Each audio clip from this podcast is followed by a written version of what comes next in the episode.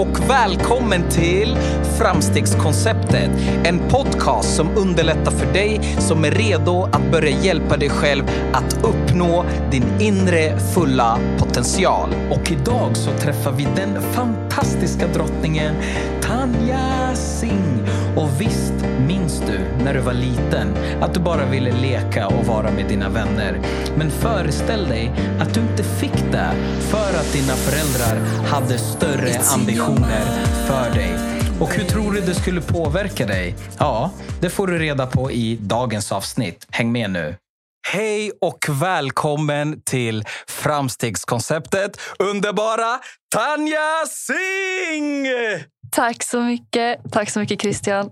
Härligt, härligt. Och eh, fick jag till efternamnet Singh? Helt rätt. Bra uttalat. Underbart. Och eh, då blir jag nyfiken. Efternamnet Singh, vilket ursprung kommer det ifrån? Mm. Singh heter oftast eh, de som kommer från norra Indien, i en, från en stadsdel som heter Punjab. Och det är ett efternamn jag har fått från min pappa. Så pappa är från Punjab i Indien. Men fun fact är att killarna brukar ha Singh som efternamn och kvinnorna brukar ha Gar som efternamn. Men pappa bestämde sig för att nej, min dotter ska heta Singh. Han valde att gå sin egna väg. Liksom. Ja. Och hur kommer det sig att man eh, gör den uppdelningen mellan Kar och Singh? Jag vet faktiskt inte helt varför. Eh, Singh betyder lejon. Eh, och Gar betyder prinsessa. Eh, jag vet Vad inte fint. varför. Det är väldigt fint. Ja. Är. Men jag vet inte just varför tjejerna ska vara prinsessor och inte killarna ska vara prinsar i så fall. Eller ja, om man tänker så. Det kan ju vara så att tjejerna vill vara lejoninnor också. Just det. You never know. Nej. Eh, Men, eh, så jag får ju höra från många som är från Punjab, typ, men varför heter du Singh? Ska inte du heta Gar? Bara, nej. Så jag, det, jag tror att pappa valde det bara för att det är det enkla sättet. Att ja, men hon kan få mitt efternamn, det är, bara, det är bra så. Men eh, jag vet inte varför det är just den uppdelningen. Att det är just prinsessa eller lejon. Men värt att nämna är att de två är mellannamn och inte efternamn. Okej, så ditt efternamn nu, om jag har tolkat det rätt, Mm. är det ett mellannamn? Det är egentligen ett mellannamn, men jag har det som ett efternamn. Okej. För det är inte så vanligt här i Sverige att man har Singh eller Gar, så det spelar inte så stor roll.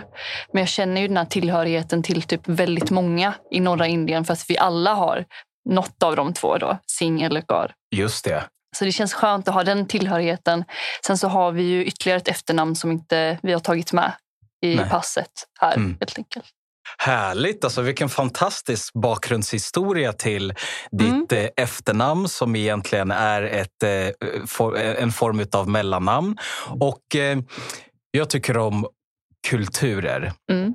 Och eh, jag är nyfiken då på, kan du prata indiska? Ja, Whoop, whoop! Du, du, du, du, du, du, du. Det känns, det känns så välkomnande att få liksom, den frågan ställd till en. För att det, man är lite stolt över att man kan det och har den tillhörigheten. Eh, men ja, så jag pratar två indiska språk. För mamma och pappa kommer från två olika delar eh, av Indien. Mamma kommer från den delen där man pratar hindi och pappa kommer från den delen där man pratar punjabi. Så punjabi i Punjab då alltså. Okej, jag varit lite snurrig där. Okej, så Punjab i Punjabi. Eh, Punjab är ju stadsdelen Ja. och där pratar man punjabi. Där pratar man punjabi. Mhm. Men vad coolt alltså. Och eh, om man ska säga hej, hur mår du på punjabi? Mm. Hur säger man det då? Eh, Sat Sri Akal, eh, Kidda. Vad fint det, det är väldigt, låter. väldigt kort faktiskt. Jag kände inte det. det var, Sat Sri Akal betyder hej Ja, och Kidda betyder hur är det? men vad härligt. Det lät ju jätte så här, dansant och väldigt trevligt. Och eh, innan vi går vidare vill jag Mm. faktiskt även säga hej till någon som är med oss i vår studio idag. Vill du presentera dig? Det är bara att hojta till. Hej, jag heter Daniel. Jag är Tanjas sambo. Eh, Och jag är här och är liveåskådare. Kanske för, jag är första liveåskådaren, Förmodligen. förmodligen. Ja. För er som inte hörde så är det Tanjas sambo som är här, Daniel, och presenterade sig själv. Och det är väldigt trevligt att eh, ha med oss en härlig person till i studion. Så välkommen Daniel! Tack så mycket. Härligt, härligt. Ja, härligt. Min personliga hejaklack. Ja, precis. Tanjas personliga hejaklack. Och eh, du Tanja, Mm. eh, för våra kära lyssnare som inte känner till dig, hur skulle du beskriva dig själv som person? Jag som person, jag är väldigt öppen eh, och inkluder, inkluderande. Jag vill att alla ska få ha sin plats eh, och att vi ska skapa den platsen. Utan De ska inte behöva kämpa extra mycket för att få den, utan vi ska kunna ge den till dem. Ehm, och Jag tror mycket beror på att jag själv sedan jag var liten har känt att jag har varit tvungen att kämpa det där lilla extra för att få det som andra kanske ja, får naturligt utan att behöva kämpa för det. Då. Um, och jag är även väldigt eh, mån om att utveckla mig själv. Så jag läser också såna här self-help books och försöker att liksom bredda the horizon. Att se mer och förstå mer. För det finns så mycket mer som man inte har sett eller hört eller vet om. Så det, det vill jag göra så mycket som möjligt nu. För jag tror nog att det är nu de senaste åren som jag börjat inse att, åh, att ju mer jag vet, desto mer inser jag att det finns så mycket mer jag inte vet. Eh, så man får ju ett sug för den kunskapen. Eh, men jag är nog också en extrovert med en hint of introvert. Jag gillar att prata med folk, kunna vara så social och liksom inkludera. För att kunna inkludera tror jag nog man måste vara lite så här social och ta det steget. Så jag tror jag har det i mig.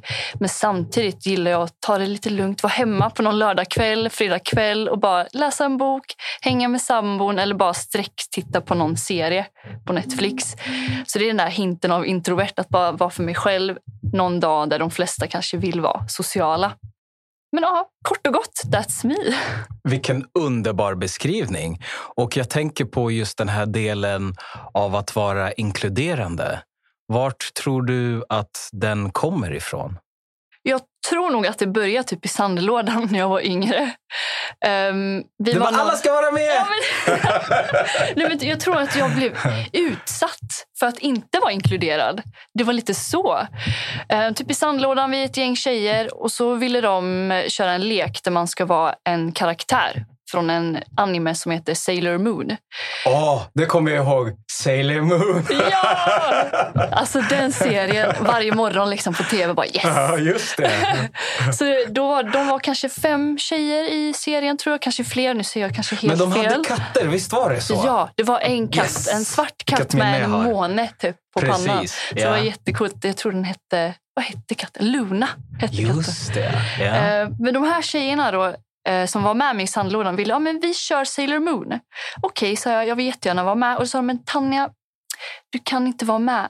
Jag bara, oh, okej, men jag vill vara med.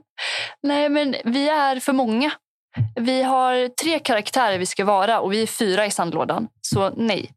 Jag Bara, men de är ju fem, sju stycken liksom, i serien. Jag kan ju visst vara med. Nej, Tanja. Och så på det sättet så fick jag inte vara med då och fick lämna den delen av sandlådan och bara Nej, jag fick inte vara med och jag var lite ledsen faktiskt. Jag ville ju vara en del av det här klicket som leker och har kul. Det var en rast liksom. Ehm, och sådana erfarenheter tar jag ju med mig och tänker jag vill inte att någon ska känna så där utanför. Jag vill inte att någon ska känna att det är orättvist. Värdefullt. Ehm, och jag, jag tror nog att jag, jag vill dela med av den glädjen att vara inkluderad. Att känna att man har en plats. Eh, och att bli överraskad på något sätt. Att, Oj, men här har den lagt fram en tekopp till mig. Eller här har de gjort plats för mig runt det här stora runda bordet. Så jag, jag vill nog jobba så mycket som möjligt med det. För att det är inte roligt att vara utelämnad på det sättet. Nej, och det är så värdefullt det du nämner just därför att jag tänker att saker och ting som har hänt under de, eh, våra yngre dagar, det kan ju verkligen prägla oss antingen på ett positivt sätt eller negativt sätt. Du skulle lika gärna kunna vara liksom förbannad på livet på grund av att du inte blev inkluderad som liten. Men istället så valde du att vända det här och använda det på ett positivt sätt och tänka så här, nej men så där vill jag faktiskt aldrig må. Och eh, då blir jag intresserad och nyfiken kring din övriga uppväxt och barndom. Vad i det kan ha lett till att du väljer att ha den här positiva approachen och positiva inriktningen på ditt liv nu istället? Jag eh, minns när jag var yngre att eh, jag fick inte lov att göra det mesta. Mina föräldrar var väldigt stränga. De var väldigt rädda och överbeskyddande. Eh, så jag fick inte gå på massa kalas eller sova över hos kompisar. Och det märktes av senare i skolan att ja, men jag har inte hängt med på den sociala biten. Att nu pratar de om vad som hände under helgen, men jag var inte med då. Så då är jag lite utanför på det sättet. Och, men jag insåg samtidigt att det här var ju min, min plats att to shine. Att nu är jag i skolan, nu kan jag hänga med alla här och ha så roligt som möjligt. Så jag bara tog de möjligheterna att nu ska jag ha kul. Det finns ingen idé att bara sitta och liksom må dåligt över sig själv. Visst, det kan man också göra. Men jag tror, jag tror nog att jag valde att bara hypa läget. Bara, där är mina kompisar i hörnet. Nu ska jag gå till dem. Nu ska jag ha kul. Vilken härlig inställning. Jag ska fråga dem vad de gjorde för kul under lördagen så att jag ändå hänger med. Istället för att tänka nej, nu, nu är inte jag med i det samtalet. Så bara hijackar jag samtalet. Bara, Läget, vad gjorde ni? Vad missade jag? Liksom? Vad fick du i present på det kalaset? Liksom? Så jag tror nog att det kom rätt så automatiskt. Man var så liten då att man inte hann att reflektera så mycket. Så det, jag tror nog inte jag har så bra koll på varför just jag valde det spåret. Att eh, hypa läget och se vad, vad finns det för roligt man kan göra utav detta. Men eh, sen så bara följde det med mig när jag blev äldre.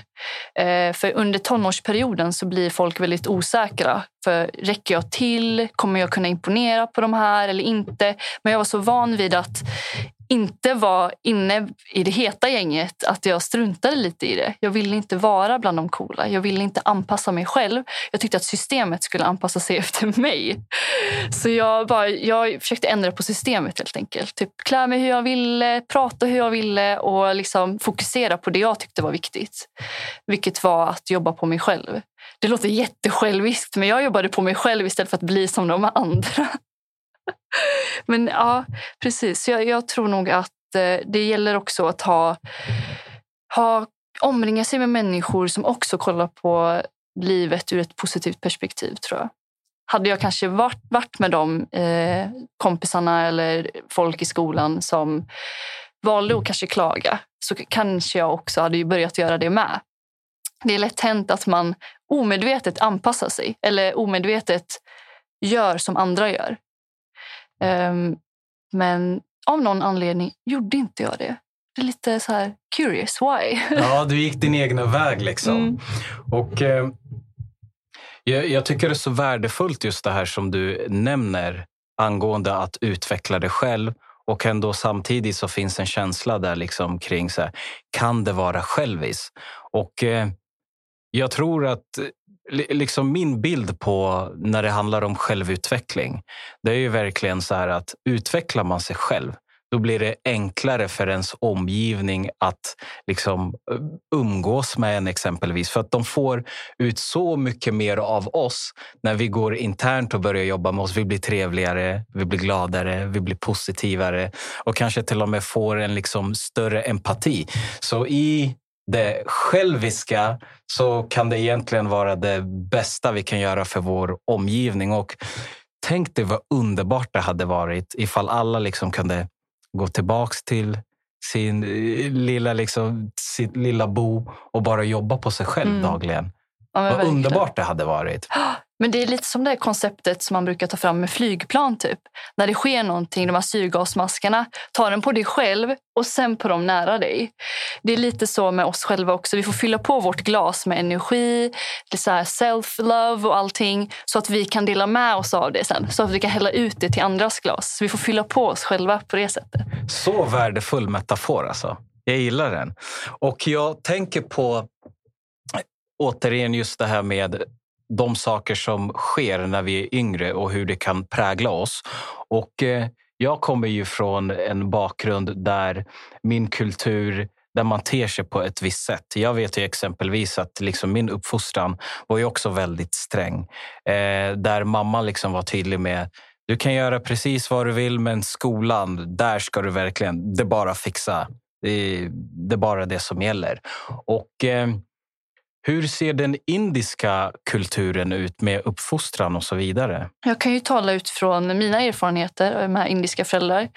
Och då har det varit mycket så här, du ska fokusera på skolan Tanja. Om de andra hoppar ner för en bro så ska du inte hoppa efter dem.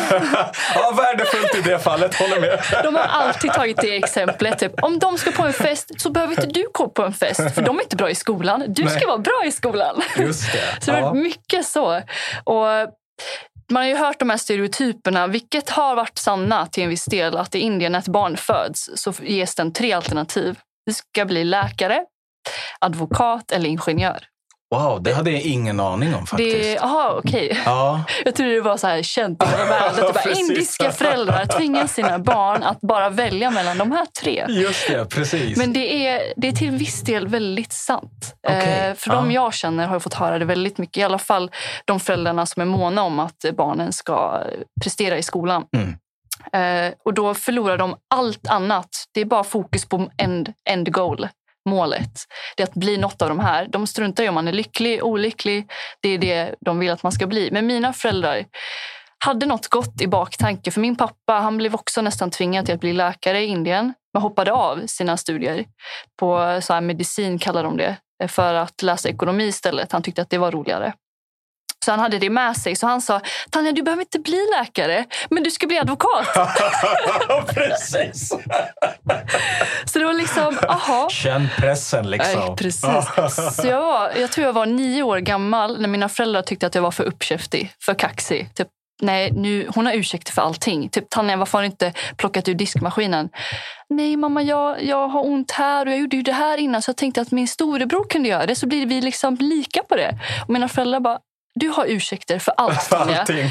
du borde bli advokat. Yeah. Okej. Okay. Och det fastnade. That, that was the fun part. Alltså det fastnade. Jag bara, okay. jag liksom premieras för min uppkäftighet. Att jag, jag kommer undan. Så tänkte jag, men då kanske jag kan bli advokat då. då. Kommer jag undan med allt möjligt. Typ. Så jag fastnade där. Och tänkte, jag blev sån här indiska förälder som bara, nej, tänk inte på lycka, tänk inte på det. Du ska bli det här end goal. Så jag tänkte på end goal. Jag ska bli en power boss person. Typ bara, jag ska bli advokat i Sverige som rasifierare. Bara yes. du bara yes, let's do it, yes. så, det var, så det var det. Eh, men ja, så föräldrarna har varit stränga. Väldigt så här, plugga. Plugg kommer nummer ett. Jag gick i fotboll och jag var väldigt duktig på det var med i stadslaget och sånt. Men jag tänkte inte så mycket på fotbollen. För föräldrarna sa, du får spela fotboll för att du är bra i skolan. Om du inte är bra i skolan får du inte gå i fotboll. Okej, okay, det skulle vara en biprodukt. Liksom. Precis. Mm. bara, det här är för att du ska må bra mentalt. För att motionera, man mår jättebra av det. Så för dem var det bara, du mår bra på fotbollen, du pluggar och Jag liksom kan nästan visualisera hur de står och pratar med dig. men på alla föräldramöten typ, eller utvecklingssamtal så yeah. frågar lärarna typ, ah, men hur är Tanja hemma? Mina föräldrar bara, hon är, hon är duktig, hon spelar fotboll. Det är liksom, hon spelar fotboll, sen är det ju studies. Liksom. Oh my god! oh, vad härligt. Men, ja, men ja. jag, när jag tänker tillbaka så tänker jag det är jättemysigt, superhärligt. Men där och då så var det frustration deluxe. Just det. För man ville liksom ändå... Liksom, jag ville dansa. Jag mm. ville göra så mycket mer, men det skulle ta så mycket tid om jag gick i fotboll, dansade och lärde mig spela fiol och allt det. Så det blev fokus på fotboll, plugg, hajpa i skolan med kompisar, ha kul och sen liksom utveckla mig själv på fritiden genom att läsa böcker. Jag läste jättemycket böcker och mina föräldrar, det här är en jätterolig historia, men en sommar så skulle jag läsa om alla Harry Potter-böcker. Så jag satt verkligen... För det var, var det liksom frivilligt då? Frivilligt. Ja. Jag älskade att läsa och jag minns att jag satt i vardagsrummet från morgon till kväll och bara bläddrade sida efter sida och läste. Så nästa dag, en dag, så var det så att jag bara vaknade upp och kunde inte hitta mina böcker. Jag började skrika. Jag bara, var är mina böcker? Och pappa bara, nu har du överdrivit så mycket. Du har läst och läst och läst. Så jag gömde dem. Wow. Och jag bara, men ni vill ju att jag ska läsa och bli duktig. Typ. Och de bara, men det här är överdrivet Tanja.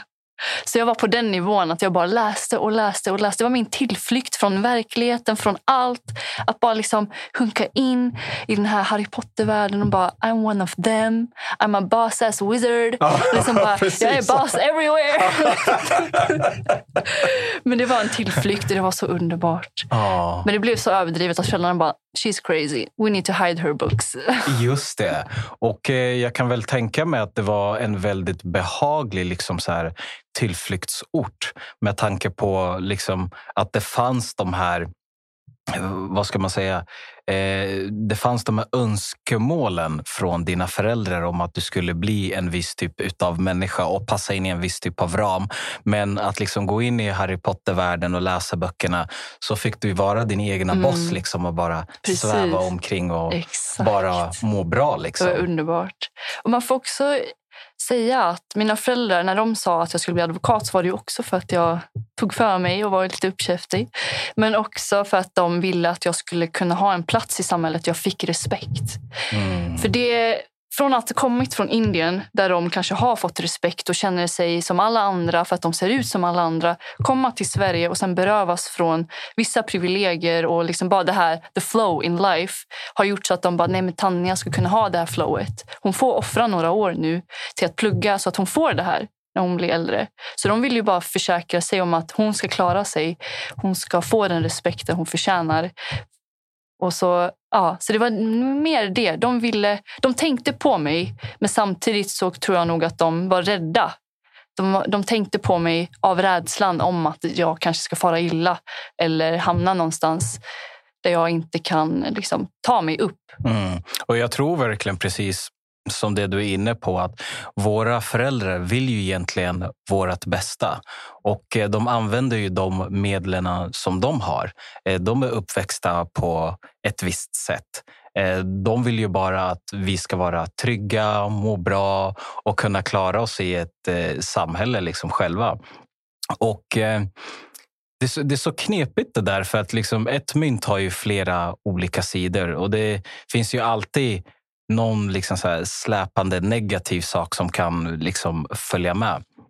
Och eh, jag, jag tänker nu i förlängningen att när man, så, så, som i det här fallet, när man eh, väljer att göra någonting, exempelvis att så här, ja, men jag ska plugga vidare till läkare eller till advokat, så blir det lätt att man glömmer bort ena sidan av myntet och det kan bli att man gör ett avkall på någonting annat.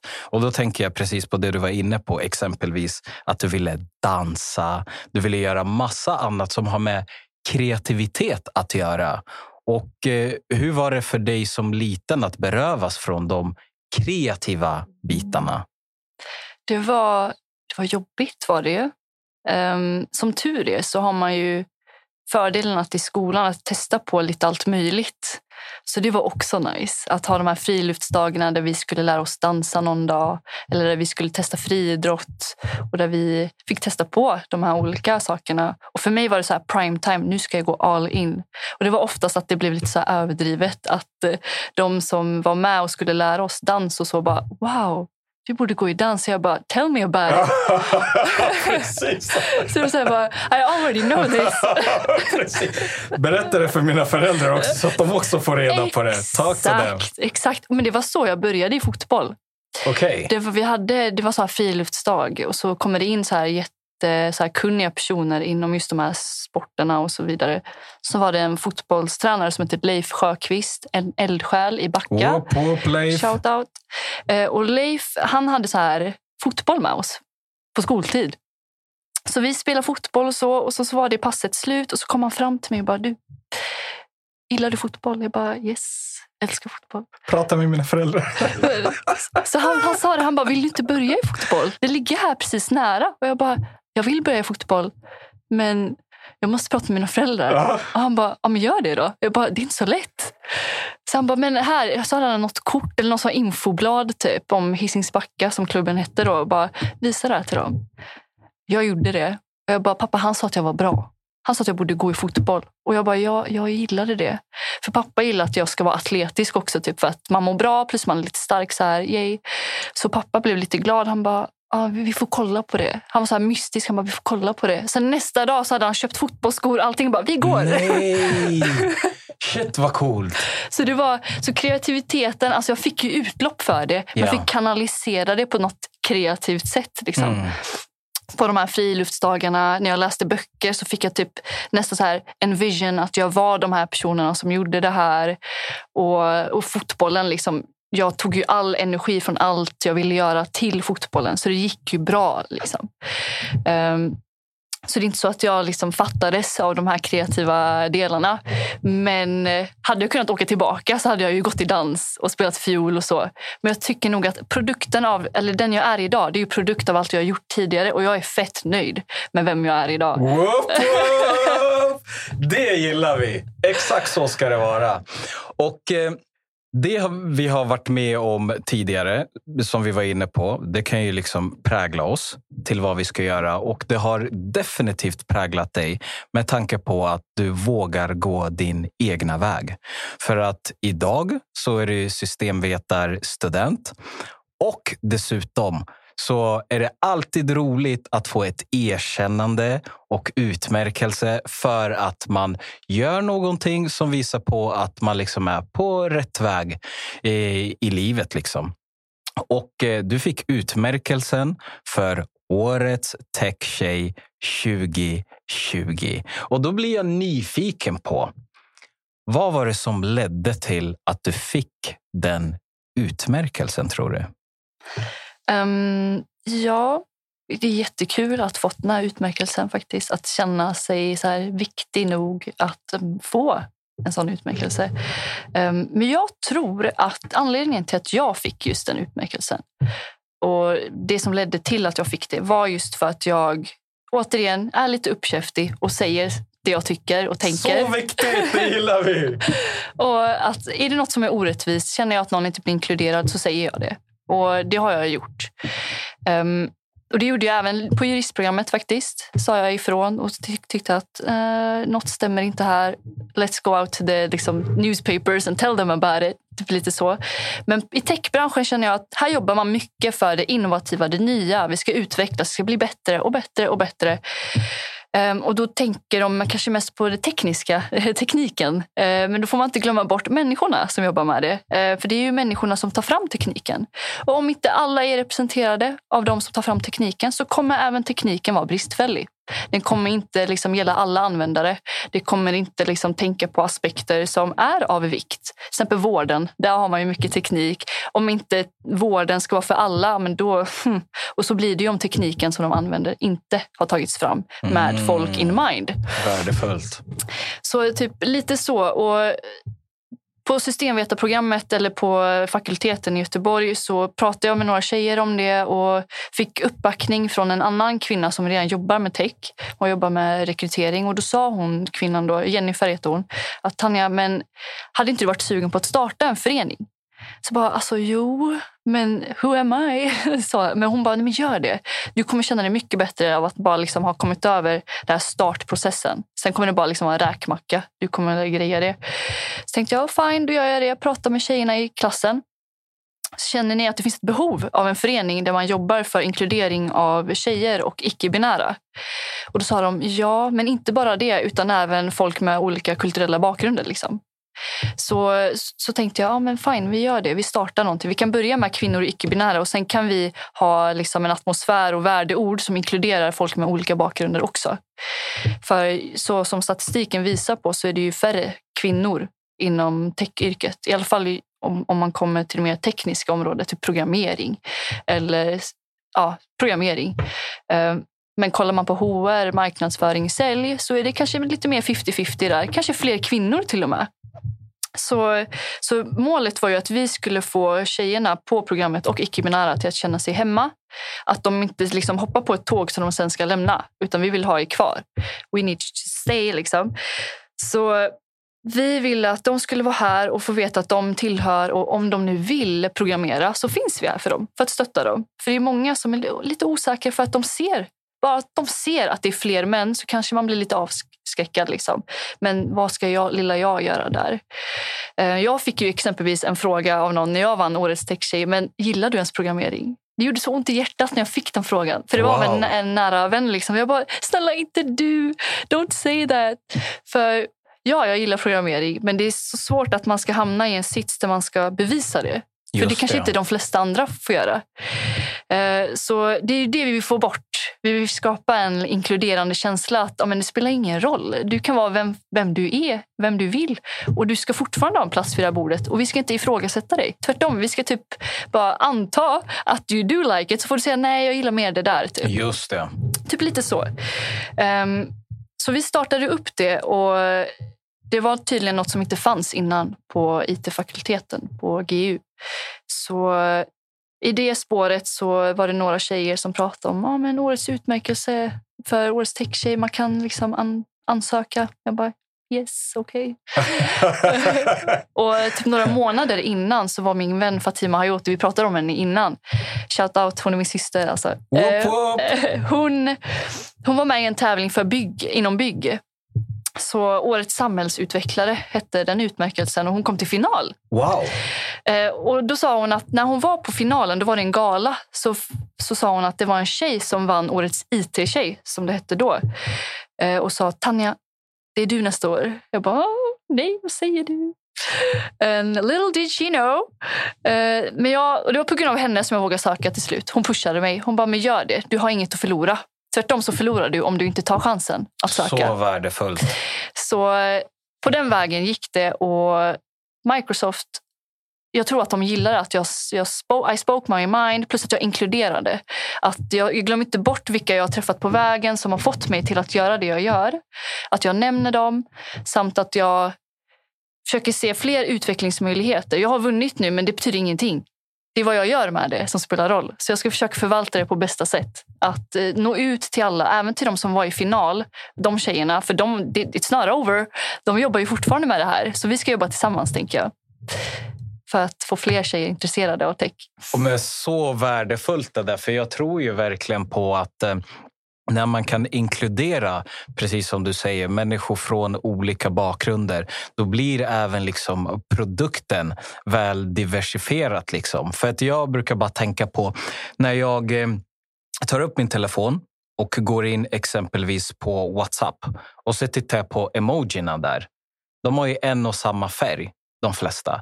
Sen kan det finnas vissa liksom mörka ikoner och så vidare. Bara en sån grej innebär att det inte är väl diversifierat. Eller exempelvis att det finns ikoner tillräckligt som har slöjor eller ser ut på ett eh, visst annat sätt. Liksom. Och eh, jag tänker alltid att just det här med perspektiv är extremt viktigt. Får man in människor med olika bakgrunder så får man ju också ta del av människors perspektiv kring hur man borde bygga upp, precis som du säger, exempelvis eh, eh, en app eller ett program för vården och så vidare så att det verkligen blir inkluderande. Och du gör ett fantastiskt och härligt arbete. Och jag tänker så här, om vi blickar lite framgent. Vad tror du nu med dina erfarenheter kommer underlätta för att höja eh, tjejers intresse för tech? För det är ju verkligen en framtidsbransch. Mm. Det är ju det är så svårt att säga att man, eller hur man ska göra det liksom med några punktinsatser. Jag tror att det är lite av en livsstil egentligen. Eh, vi får ju kolla på hur ser det ut när ett barn föds, hur de vaggas in i vissa så här yrken. Vi, jag hade ju det exemplet med mina föräldrar, det påverkar en väldigt mycket liksom vad man väljer. Men samtidigt, typ, vilka leksaker får man framför sig? Vilka liksom, situationer sätts man in i som liten? Ehm, jag har sett ju många föräldrar som kanske säger att men eh, vi har, man har en baby shower, redan då börjar det blått, rosa. Då vaggas man in i det. Killarna ska ha lejon och rovdjur som leksaker. Tjejerna ska ha lamm, hästar. Liksom. Redan där börjar det. Och sen så får de kanske så här leksaksbilar. Då börjar de kolla på hur hjulen rullar, liksom, hur det går till. Och det är främst killar som rent så här historiskt sett har fått de här leksakerna. Och tjejerna kanske har fått dockorna och hur man ska liksom ta hand om det, den lilla dockan med nappflaskan och byta blöja och det ena och det andra. Så tänker jag, men vad händer om vi liksom sätter en spin på det redan då? Att eh, tjejen får också leka med samma saker och killarna också. För kolla bara på sjukvårdsyrket. Vi har ju fler kvinnliga sjuksköterskor än manliga. Det är också någonting man bör adressera. Känner sig alla välkomna då? Typ, om man är en manlig patient kanske man vill ha en manlig sjuksköterska, I don't know. Men det är inte alltid man har möjligheten att välja. Eller liksom, ja. Ehm, så man får tänka, inte bara, jag som kvinna kan inte bara tänka på mig själv. Jag får ju tänka på alla. Jag får tänka på män, icke-binära, transsexuella, everyone. Liksom. Ehm, så jag tror nog att det är intressant att kolla på när barn växer upp, skolan, hur ser det ut där? Jag minns när jag var liten att eh, man använder så här projekt, projektor där man lägger typ en lapp och så ser man det på skärmen. Typ. Ja, just det. Ja, precis. Back in the days. Ja, di, vad, vad heter de? Nej, diabil... Nej. Jo, men diabilder. Ja, tror något jag. sånt där. Ja, något sånt. Ja, de var ascoola i och för sig. jag älskar när lärarna gjorde så här tuschpennemärken ja, på det. Bara, jag, jag vill också göra det där. Men, eh, så värdefullt. Så jag minns typ att det kanske var något strul med det eller med powerpointen. Och så sa läraren nu säger jag ett namn bara så här hux flux. Ja, men Joakim, kan inte du hjälpa mig? Och så vet vi alla att med Joakim är ingen höjdare på teknik. Men hon väljer Joakim för att han är en kille typ. Och hon antar, eller han, läraren antar, att Joakim är the shit på teknik typ. Och så sitter kanske jag eller någon annan tjej och bara, men jag vet hur man gör typ. Men vågar inte säga det för att Jocke har valt typ. Um, det börjar redan där att läraren kanske säger, men kan någon hjälpa mig här? Typ så. Mm. Eller kanske vill förvrida det lite extra. Bara, ah, men Sofie, help me. Just det. För jag tror nog också att man ska inte anta eller att för att kunna lösa ett problem så ska man kunna allt från början. Nej, nej, nej. Man kan testa sig fram. Mm. Typ Jocke testade sig fram. Han lyckades. Precis. Varför kan inte Tanja göra det? Eller Sara eller Exakt. Katrin? Ja. Och, alltså, jag tycker verkligen att det är så värdefulla saker som du tar upp här. För att ibland så när man vill lösa ett problem så kanske man bara tittar på själva problemet i sig och försöker hitta lösningarna kring det. Men du lyfter upp sådana viktiga saker verkligen där man kan föreställa sig att det, är, det här verkligen är systematiskt från när vi är redan alltså, små i hur man delar upp de olika könen, vad man får göra och eh, bland annat hur vi som exempelvis föräldrar eller lärare beter oss. Själva omgivningen. Um, och uh, jag tror verkligen att det är jätteviktigt att adressera det på det sättet som du eh, faktiskt tar upp här som förslag. Så att, eh, ja, jag, förstår, blir... jag mm. förstår också ifall man blir lite rädd för den tanken. För att det här är någonting som har följt med oss redan innan vi föddes. Um, och Visst, det är kanske lite så radikalt att nu ska vi ändra på det här. Men det finns jättemånga sätt man kan göra det på. Som jag sa, det här med läraren, att man bara lyfter fram en annan elev. För de här positiva associationerna till tech eller till något område som gör så att man söker sig till det senare. Så kanske säga till dem i klassen som inte brukar få den här klappen på axeln, men vad duktig du är på det här. Du är jättebra på det här. Att bara sprida det. Det kan även du och jag göra som inte är kanske i ett klassrum med de här barnen. Mm. Att vi kan göra till de som är runt om oss. Så vi försöker typ att göra det. Typ vi, jag och min sambo, vi har kanske några barn i vår närhet. Eh, och eh, Barnen har ju föräldrar med sig och allt möjligt. Och oftast när det är någon tjej säger man åh vad söt du är. Och en kille, åh vad cool du är.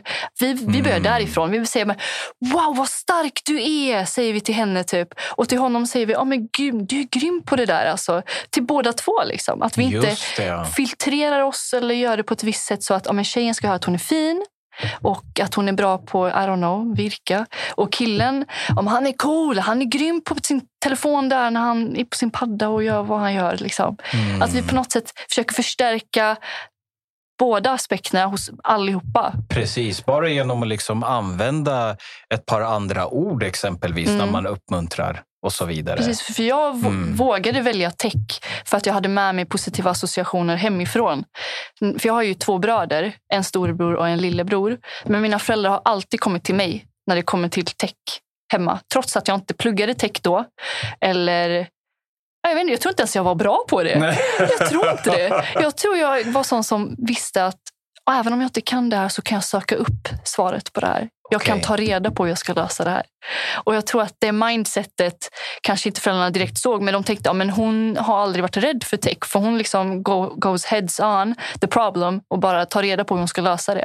Mm. Eh, och använder de resurser som finns till hands, typ Google eller något sånt. Just det.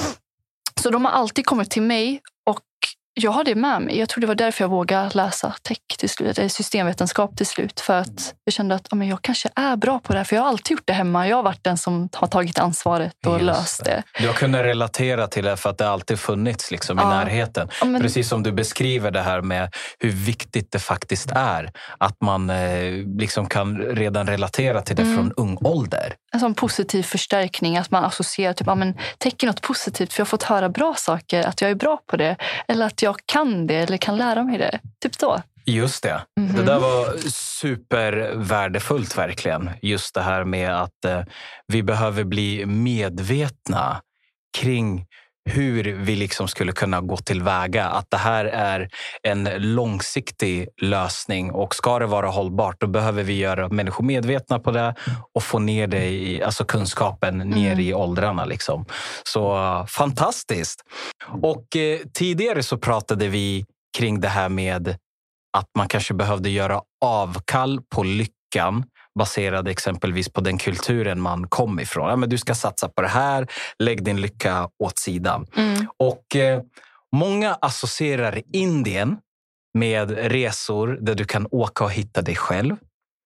Och liksom komma till insikt med självförverkligande och så vidare. Och det tycker jag är super, super coolt. För många åker dit för att hitta sig själv och även hitta lycka. Och när jag säger ordet lycka, vad dyker upp i ditt sinne då? Jag har nyligen läst en bok av Mark Manson. eh, The Subtle Art of Not Giving a F. Eh, Jag kommer inte säga ordet. Eh, Ja. nej, precis. Och den boken, alltså det är som en... Jag har blivit upplyst typ. Det är så djupt. Trots att det liksom bara sägs med några meningar så känner jag bara wow, det här var verkligen något jag tog med mig. För han pratar ju om eh, det här med lycka. Att många jagar lyckan, men att jaga lycka gör en olycklig. Eh, och att, att bara acceptera det negativa gör en lycklig.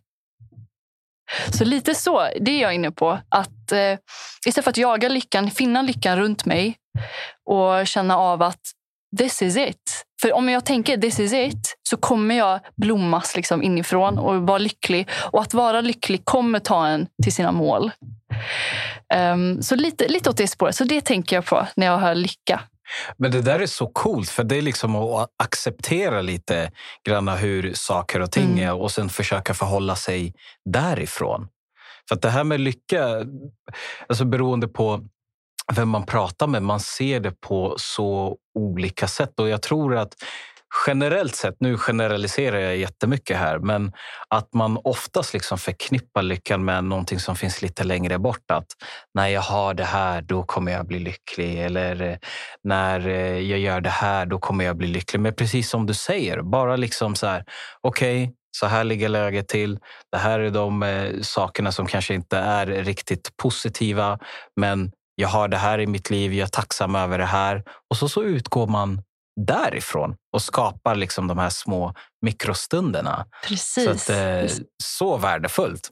Ja, det gillar vi. Lycka är väldigt eh, ett brett ämne. Det är väldigt bättre. Man kan prata hur länge som helst om det. Jag Ja. tror nog, nyligen så har jag börjat skriva så här tacksamhetsrader. Typ. För jag fick höra av en vän att sk- skriver man vad man är tacksam över, typ några tre rader eller så varje dag, så känner man sig gladare och lyckligare. Och kommer att eh, liksom passa på att värna om de här grejerna. Till exempel om jag skriver att jag är tacksam över min familj. Då kommer jag när jag är med min familj att verkligen känna av varför jag är tacksam. Och liksom njuta av det mycket mer. Så det är typ ett tips. Att skriva ner typ varje dag typ tre saker man är tacksam över. That's it. Så värdefull. Det kommer jag verkligen att ta med mig. För jag kan tänka mig att det, det ger ett djup i vardagen. För då blir man ju liksom medveten, precis som du säger. Liksom, nu är jag verkligen med min familj. Nu ska jag ta ett par djupa andetag och verkligen bara säga ah, vi är här nu och vi umgås. Verkligen. Och det är fantastiskt. Och eh, just det här som du nämner att man kan bli medveten om de sakerna som kanske inte går bra.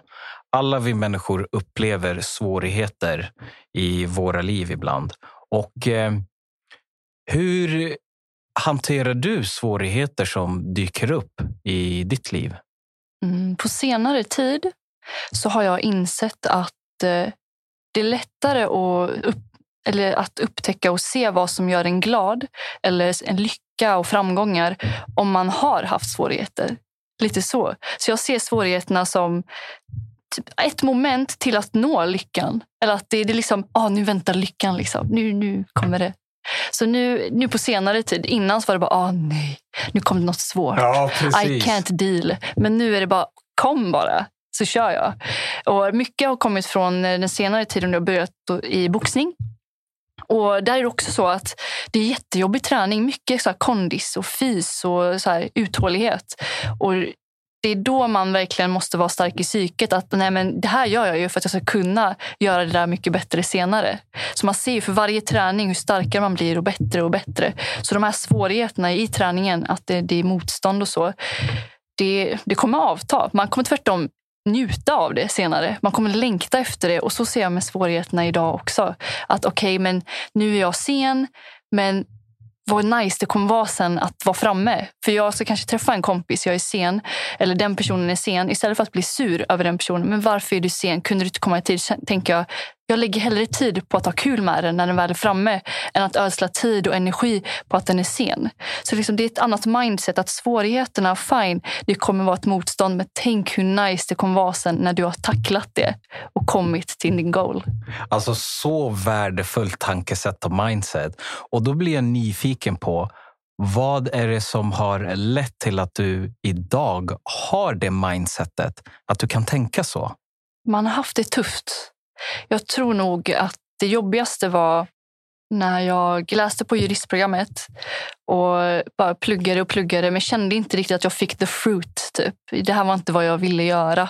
Så det kändes inte värt att kämpa. Så det var svårigheter, men det var inte värt att tackla de här svårigheterna kände jag. Um, så det var ju därför jag inte ville gå kvar. Jag läste ju några år där och sen bara nej, this isn't it. Det här vill jag inte syssla med. För nu det är inte ska jag gå min egna ja. väg. Liksom. Och då insåg jag att om man har ett mål som man verkligen vill uppnå, om det är någonting jag verkligen vill göra så kommer det inte spela någon roll vilka svårigheter jag möter. Det kommer vara värt det. Så det kände jag, det insåg jag senare att när jag väl började på systemvet systemvetenskapliga programmet att nu kan bara vad som helst komma. I don't care. För att jag ska bli systemvetare och ja. jag ska jobba med det här för det här är fett kul. Typ så. Så det mindsetet kom med tiden. Att eh, det kommer bara vara värt att tackla de här svårigheterna, svårigheterna när jag vet vad målet är och målet är genuint mitt. Det är mitt mål, inte någon annans mål. Det här är min utveckling, det är mitt mål. Eh, så jag tror nog att det förvandlas till sitt egna bebis och man försvarar sin bebis på alla, liksom, vilket pris den tar. Liksom. Jag kommer försvara min bebis. Så, typ så, så, bra liknelse det där. Verkligen alltså. För att eh, om man kopplar det till det som vi har varit inne på tidigare, just det här att när det är föräldrar som vill någonting åt en kontra när man själv har någonting som ett mål och som du eh, får det till att likna liksom en bebis. Och då gör man verkligen allting för det oavsett om det dyker upp svårigheter och så vidare. Så värdefullt faktiskt. Det ska jag ta med mig och tänka på. Och eh, jag tänker så här. Vi människor har ju en eh, självbild och den här självbilden kan antingen skälpa oss eller så kan den hjälpa oss.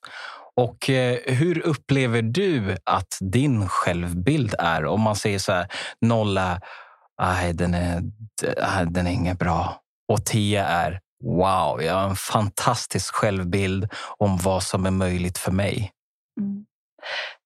Nu snubblar jag, alltså det här är typ skada från juristprogrammet, men vad, vad innebär självbild?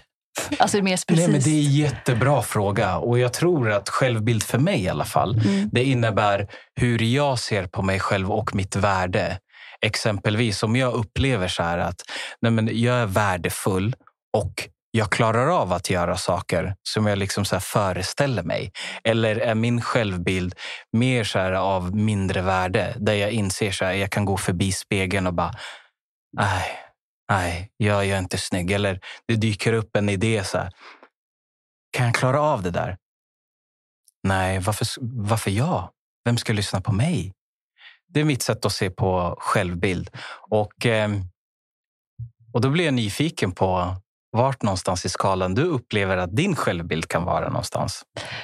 Sambon sitter ju bredvid här Eh, Whoop, Mr D! och, och kommer nicka typ när jag säger att jag brukar typ gå framför spegeln och stanna av och bara oh, oh la la, that's me. Typ så, här. Nej, alltså så bra! så ofta, det händer varje dag. Ja. Det, det är sant. Vi har en så här jättestor spegel i hallen. Typ, och bara, där brukar jag hänga då och då och bara yes. That's... Nej, vad värdefullt. Så jag tror nog att jag har klättrat upp på den här skalan väldigt Ja. mycket på sistone. Eh, just på grund av att jag gör det jag tycker om. Från att ha bytt liksom den här yrkesbanan och känna efter att men det här är vad jag vill göra så mår jag mycket bättre. Och känner att, eh, som du sa, det här med eh, vilka, vilka så här, utmaningar som än kommer så tacklar jag dem. För att jag har det här målet som jag nämnde innan. Och jag tror nog jag har en bra självbild på grund av det. Att jag har, jag har växt in i mig själv, är bekväm i mig själv. Jag har mött de här svårigheterna, motstånden, jobbiga människor också. Man har växt på det sättet. Och man älskar sig själv efter det mycket mer. För att man har klarat av det. Plus att man har insett att ens värde spelar inte så stor roll beroende på vad andra säger, gör eller tycker. Utan jag är det enda konstanta i mitt liv. Åh, så bra sagt! I better love myself. Så jag borde liksom ta vara på den jag är. För jag kommer ju få stå ut med mig själv resten av mitt liv. Så. Oh, wow! Och jag tycker det är så kul att vi människor ibland gör saker som vi kanske inte är medvetna men som faktiskt leder oss framåt. För att jag gör ju det som det kanske är omedvetet för dig, att gå förbi spegeln och bara oh la la. Jag jobbar på det medvetet, att liksom när jag går förbi spegeln, om jag får upp en eh, exempelvis en negativ tanke om mig själv, om hur jag ser ut för stunden, att jag verkligen försöker säga ett par positiva saker för mig för att jobba upp min egna liksom, självbild och eh, självkänsla. Och lite grann som du var inne på tidigare, att eh, eh, beroende på hur vi liksom växer upp och vad som finns i vår omgivning och vad vi kan relatera till kan underlätta för hur vi förhåller oss till saker och ting eh, i vuxen ålder. Och eh, som en del av självbilden så är jag nyfiken på, när jag säger ordet pengar, vad har du för förhållande till pengar och hur är din självbild kring pengar?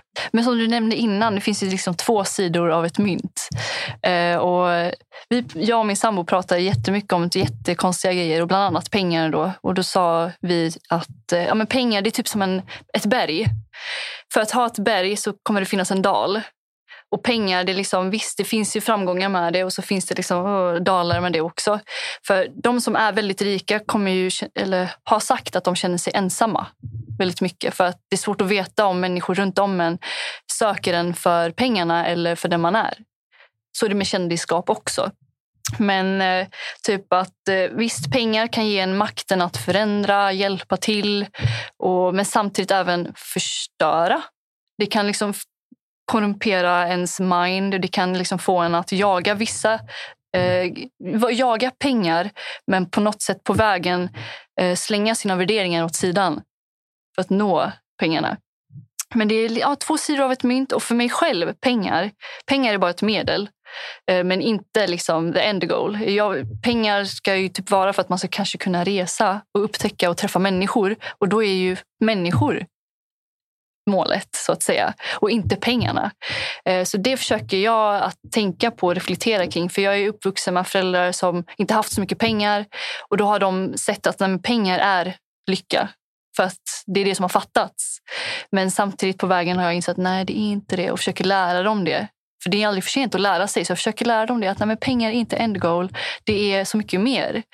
Eh, och jag hoppas att de hinner känna av det eh, under den här delen av livet som de har kvar. Liksom, att nej, men det finns så mycket mer än bara pengar. Den här jakten på pengar. Alltså så värdefullt det här just när du pratar om the end goal. Och eh, jag har samma förhållningssätt till just egentligen allting vi gör. För att jag tror på att det finns en end goal. För oftast liksom när man pratar med människor kring pengar och så vidare. Så, ah, jag vill ha så här mycket pengar. Okej Okej då. Och så ställer man frågan så här vad skulle det betyda för dig att ha de här pengarna? Jo, men det skulle betyda att eh, jag kan resa mycket. Okej, okay, så spinner man vidare på det där. Att du kan resa mycket, vad skulle det betyda för dig då? Jo, men det skulle betyda att jag kan känna en frihet. Okej, okay, att du kan känna en frihet, vad skulle det betyda för dig? Jo, men det skulle, det skulle betyda att jag kan känna en trygghet. Och den här tryggheten, vad betyder det för dig att känna trygghet? Du vet, man kan alltså, köra på i evigheter. Mm. Sen till slut brukar jag oftast landa i mina konversationer med dem jag pratar med. Att de går tillbaks till Alltså, de liksom bollar mellan två olika känslor. Så här, men trygghet, frihet, trygghet, frihet mm. eller någonting annat. Och Det tycker jag är så coolt, precis som du nämner, just the end goal.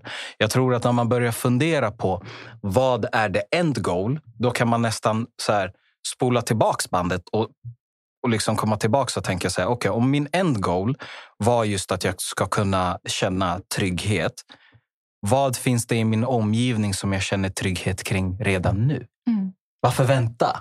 Alltså liksom, känner jag trygghet kring att vara här inne och umgås med er, då har jag redan den känslan. Jag behöver inte vänta på den. Mm, så, så. Om det är känslan man vill åt, man kan ja. få det på ett annat sätt. Exakt. Så att, eh, ja, nej, men jag gillar det där, the end goal. Whoop, whoop, du, du, du, du. så värdefullt det där. Och eh, relationer till andra mm. är eh, väldigt viktiga i livet. Oavsett om det är en vänskaplig eller om det är en kärleksrelation. Och eh, Vad bör en relation innehålla för dig för att du ska vilja fortsätta vara i en relation? Flera delar bör Håll i dig nu, Daniel. innehålla. Ehm, med flera delar, tror jag. ja. Eh, nu har vi pratat lite om typ hur det har varit när jag växte upp och så. Men typ förståelse är jätteviktigt, tycker jag. Um, till exempel när jag var liten kunde jag inte komma på alla kalas och så. Uh, det var några som inte kunde förstå det och kunde bara, nej men du bryr dig inte så du kom inte. Typ mm. så här. Men de som förstod det, att nej men det är inte ditt fel Tanja. Det är de som man fortfarande är vän med idag. Eh, för de har förstått, de har försökt sätta sig in i en skor och bara bry sig om en och vet om att men det är inte ditt fel Tanja. Du vill verkligen, men du visar att du vill på andra sätt istället. Um, så det, förståelse och sen så har vi ju även ärlighet med i bilden. Ärligt är jättebra. Uh, för baktankar, det kan vara det kan vara väldigt toxic att ha människor som är missunnsamma och har baktankar. Och Det brukar oftast resultera med att de inte är ärliga.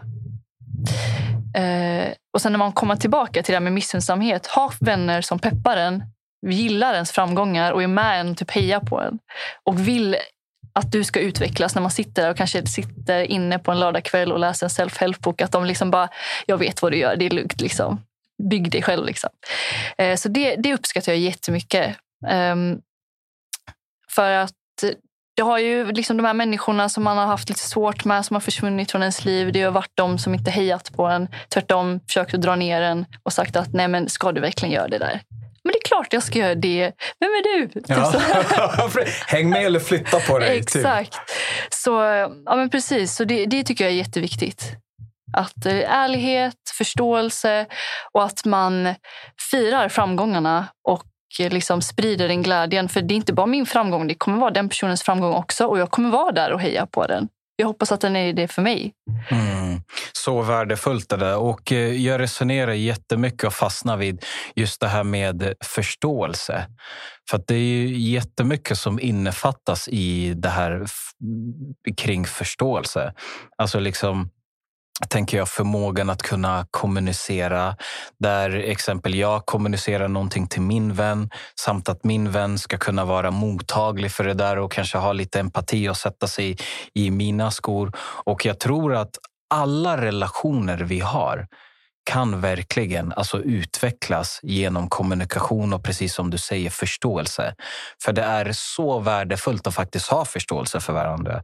Jag vet ju exempelvis min min allra bästa vän.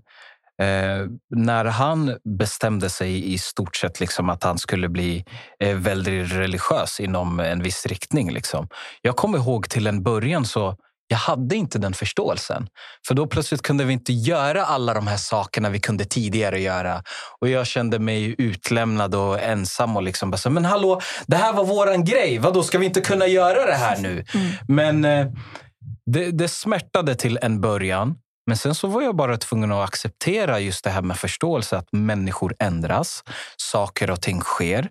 Och eh, då hade jag just det här valet att så här, nej men vet du vad? Antingen så stöttar jag, hänger med på resan, eller så flyttar jag på mig. Och jag tror att eh, ska man växa i, i relationen, vi kommer ju alltid att förändras. Då är det jätteviktigt att ha med sig det som du är inne på just där kring förståelsen. Så värdefullt Tanja. Verkligen alltså. Och eh, Tanja, vi börjar närma oss slutet nu och ska börja landa det här planet. Så spänn fast sittbältet. Och eh, jag är lite nyfiken nu så här framgent kring vilka drömmar du har. Jag har haft jättesvårt att formulera drömmar faktiskt. För att jag nu försöker leva efter att det här är här, här och nuet. Jag är lycklig här, allt är bra. Liksom. Och så är det baby steps och så tar man vart man än tar sig. Men det hade varit väldigt coolt att åka till rymden. Wow!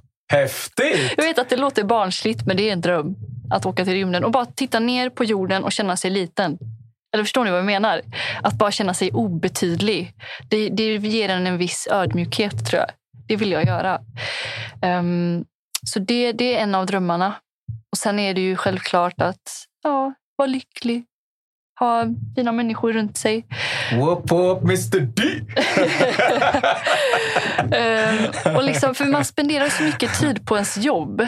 Så förmodligen ha ett jobb där jag är jätteglad och känner mig hemma. För det vad är det? Åtta timmar per dag.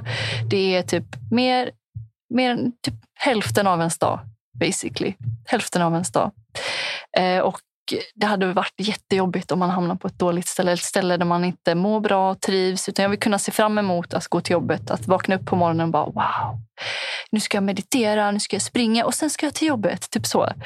Ehm, så det hade varit kul att eh, landa eh, någonstans i framtiden där man har ett fint jobb, man har varit i rymden och eh, bara embracea det. Så coolt alltså. Och jag gillar verkligen just det här med att ha så pass stora drömmar som kan få en att expandera. Och eh, just det här med rymden. Jag tror verkligen att om det är någon som ska komma dit, då är det banne mig du. Ska jag reppa jorden? Ja, precis. Rep the earth.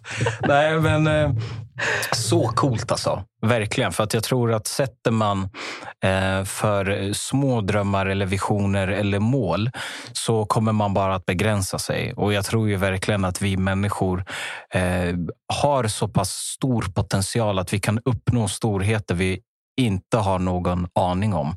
Så det där ger utrymme för en massa fantastiska saker som kan eh, hända. Så coolt Tanja! Och eh, här på framstegskonceptet så har vi någonting som kallas för tre snabba frågor. Är du redo? Yes. Perfekt, yes. Okej, okay, då säger vi så här. Eh, åka upp till eh, rymden eller åka till Indien och meditera? Rymden. Whoop, whoop. Okej, okay, eh, ha en shitload med pengar eller kunna leva för evigt? Den var jättesvår. Jag vet. Oh my god. Okay, jag är men... så kreativ. Jag bara kom på det out of nowhere. Shitload med pengar. Jag hade gett det till alla ändå. du bara spread it out, sprinkle it out. Everywhere. Okej, okay, eh, sen kommer vi till eh, hälsa. Pizza eller, eller en sallad? Pizza. Jag älskar pizza. ja, men det är så gott. Alltså det på gott. riktigt. Alltså, det är, eh, nej, det är...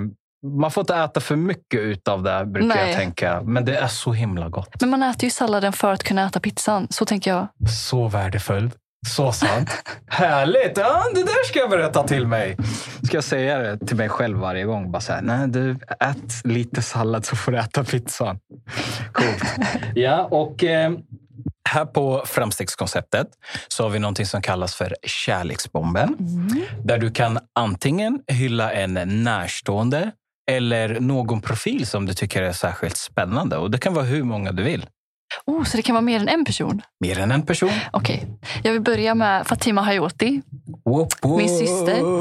Hon är så grym. Eh, och sen så vill jag passa på att hylla mina föräldrar. De, är ju, de har ju producerat mig. Eh, det är typ producers kan man kalla dem. Producers. Eh, och så Daniel Oh. Johansson, min sambo. Whoop, whoop, Mr. Och sen eh, min lärare från högstadiet, Anna Lysmark. Som har alltid trott på mig trots att jag typ... Hon var min NO-lärare. Och jag var inte så bra i NO. Men hon fick mig att känna mig som en hjälte ändå i, i de ämnena. Så det var en shout-out till henne. Wow. Och det där tycker jag är så himla viktigt kring människor som får en att eh, liksom växa. När man kanske inte tror på sig själv att man kan klara någonting, men då finns de där och liksom tänder ens ljus. Och precis som du gör nu, man kommer ihåg dem. Och det är det finaste man kan lämna efter sig. För jag brukar tänka på det där. Liksom, vad vill jag att människor ska eh, säga om mig, tänka om mig? För det är oftast liksom de känslorna vi kommer ihåg, hur man har berört någon. Mm, Så whoop, whoop, härlig kärleksbomb. Och eh, slutligen då, bästa Tanja Singh. Vart kan man hitta dig och följa dig på sociala medier?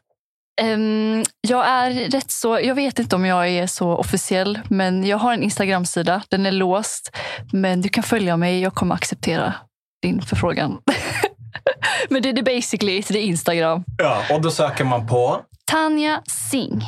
M. Tanja Singh. Och eh, där hörde ni fantastiska lyssnare.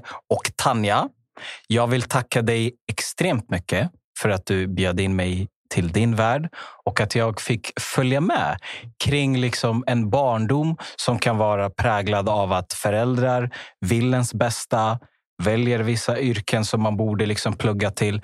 Men ändå lik förbaskad så visar du det som mänskligheten är bäst på. Att välja att gå sin egna väg för sin egna skull och för omgivningens skull. Och just det här med en sak som att du inte blev inkluderad som liten. Hur du har använt det och omvandlat det till en styrka där du nu inkluderar alla så Mm. alla kan växa. Så tack så mycket för att du är den du är och att du fortsätter att tända de andras ljus med ditt egna ljus. Tusen tack för att du kom och besökte Framstegskonceptet. Tack så mycket, Christian. Och det här var allt för Framstegskonceptet. Ha det gött! Hej då!